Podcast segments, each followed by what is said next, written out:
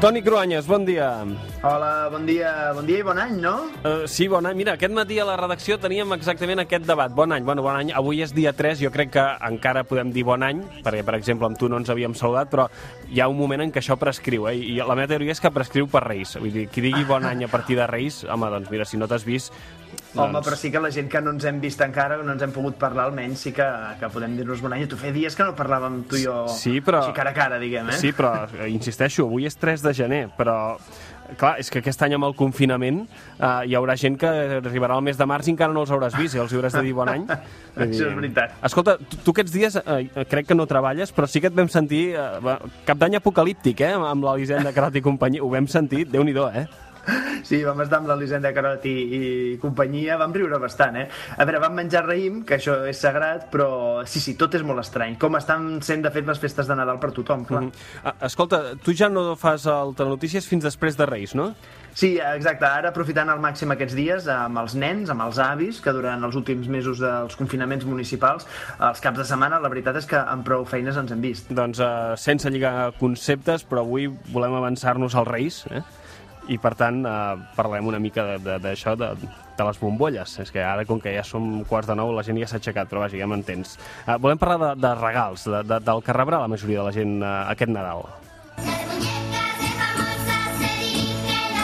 que no necessàriament són muñeques de famosa, tot i que és un dels anuncis clàssic, eh? aquestes nines durant la campanya de Nadal. Avui, Toni, ens vols parlar de la història que hi ha darrere dels regals que portaran els Reis. A veure, un clàssic. Els nens que es porten malament reben carbó. Això ho tenim clar, oi?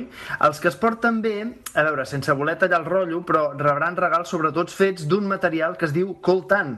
I potser està bé que aixequem una mica la consciència social sobre els regals d'aquests dies. Parlarem d'aquest material, que és amb el que estan fent la majoria dels regals electrònics, els metalls imprescindibles en qualsevol càmera, mòbil, aparell de GPS, qualsevol ordinador. Tots tenen en comú, sigui on sigui que els han fabricat, que necessiten uns, uns minerals molt, molt concrets. Qui digui que això li talla el rotllo potser és que hauria de plantejar-se sobre què està construït el seu rotllo, perquè, Toni, quins, quins minerals hi ha dins d'un mòbil? Doncs hi ha coure, sense el qual no funcionarien els transistors de l'aparell, també hi ha or, que serveix per recobrir els cables de la placa, hi ha estany, que és imprescindible per soldar-ne les peces, també tungstè, que és l'element que fa que els mòbils puguin vibrar, i finalment el tàntal, que s'extreu del mineral més important del que parlarem avui, el coltan. I és que s'ha convertit en un mineral molt específic per als mòbils, ja que és necessari per emmagatzemar energia i també per aguantar altes temperatures. Vaja, absolutament imprescindible per qualsevol dels nostres telèfons.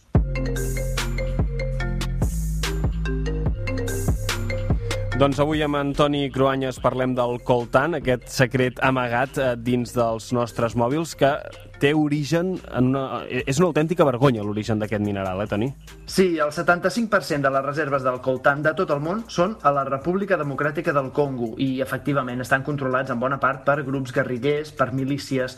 Eren conflictes territorials ja existents, però ara exacerbats per aquest nou Eldorado de l'era digital. Ja no busquen or, que era el que volien els explotadors espanyols a Amèrica, tampoc petroli, que va ser la gran matèria primera des dels anys 70. Ara busquen coltan. I, i el Congo és un país riquíssim, diria que té la desgràcia de ser un país riquíssim en matèries primeres i, de fet, també té una història sagnant d'explotació, eh? Sí, i no només amb el genocidi i l'esclavisme durant la dominació colonial belga, que va ser brutal, sinó ja més recentment, des de la seva independència, amb l'explotació de diversos materials. Se'n va explotar el cautxú per als pneumàtics dels cotxes, després el coure i el ferro durant l'època colonial, a la segona meitat del segle XX, diamants i urani per als capçals nuclears de les potències atòmiques, i ara el coltant per als mòbils. Segons organitzacions de transparència internacional, o especialment l'ONG Justícia i Pau a Catalunya, al Congo han mort 5 milions de persones pel tràfic d'aquestes pedretes negres que tenim dins dels telèfons. La història del coltan, associada als telèfons i als ordinadors, va començar als anys 90 del segle passat, a la regió del Chibu, al nord-oest del país, que no estava controlada pel govern de la República Democràtica del Congo, però que sí estava i està en mans de grups armats que es disputaven el territori. Per això no s'hi han construït grans mines, sinó que hi ha uns 2.000 forats, literalment són forats a la terra, d'on extreuen petites quantitats que després es distribueixen per mercats en un país sense carreteres i que fa 10 vegades Catalunya Catalunya. Aquests 2.000 forats, o petites mines, són les que més coltan produeixen, però n'hi ha 3.000 més a la resta del Congo i també a les veïnes Ruanda i Uganda.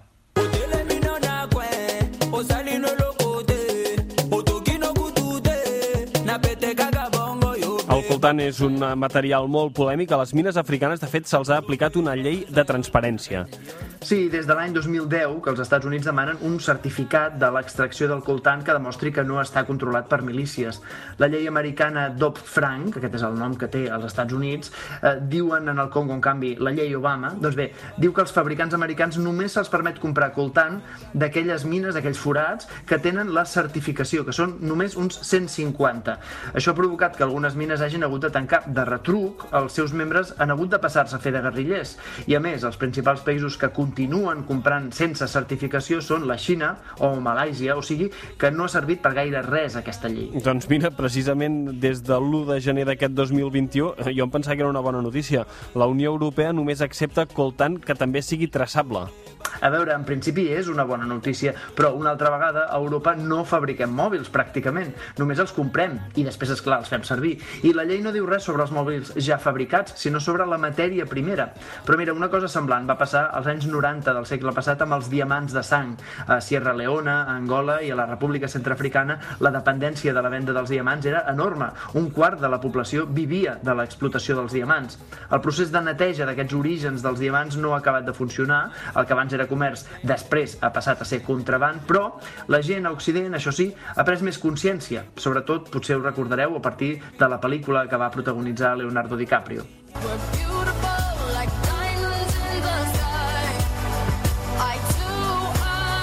Doncs, uh, Toni, acabem amb una cançó que parla sobre diamants, tot i que ja hem quedat que els diamants de sang de fa 30 anys avui més aviat serien el, el coltant de sang, eh, o els mòbils de sang.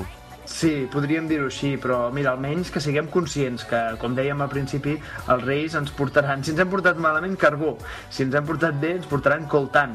Però això, recordem que el coltant per nosaltres és imprescindible, però també és un infern per als productors africans que l'estan exportant. Doncs, uh, Toni, que tinguis uh, molt bon any uh, i que tinguis uns uh, reis amb una gran consciència. Arribem a les 9 amb aquests uh, Diamonds in the Sky de Rihanna.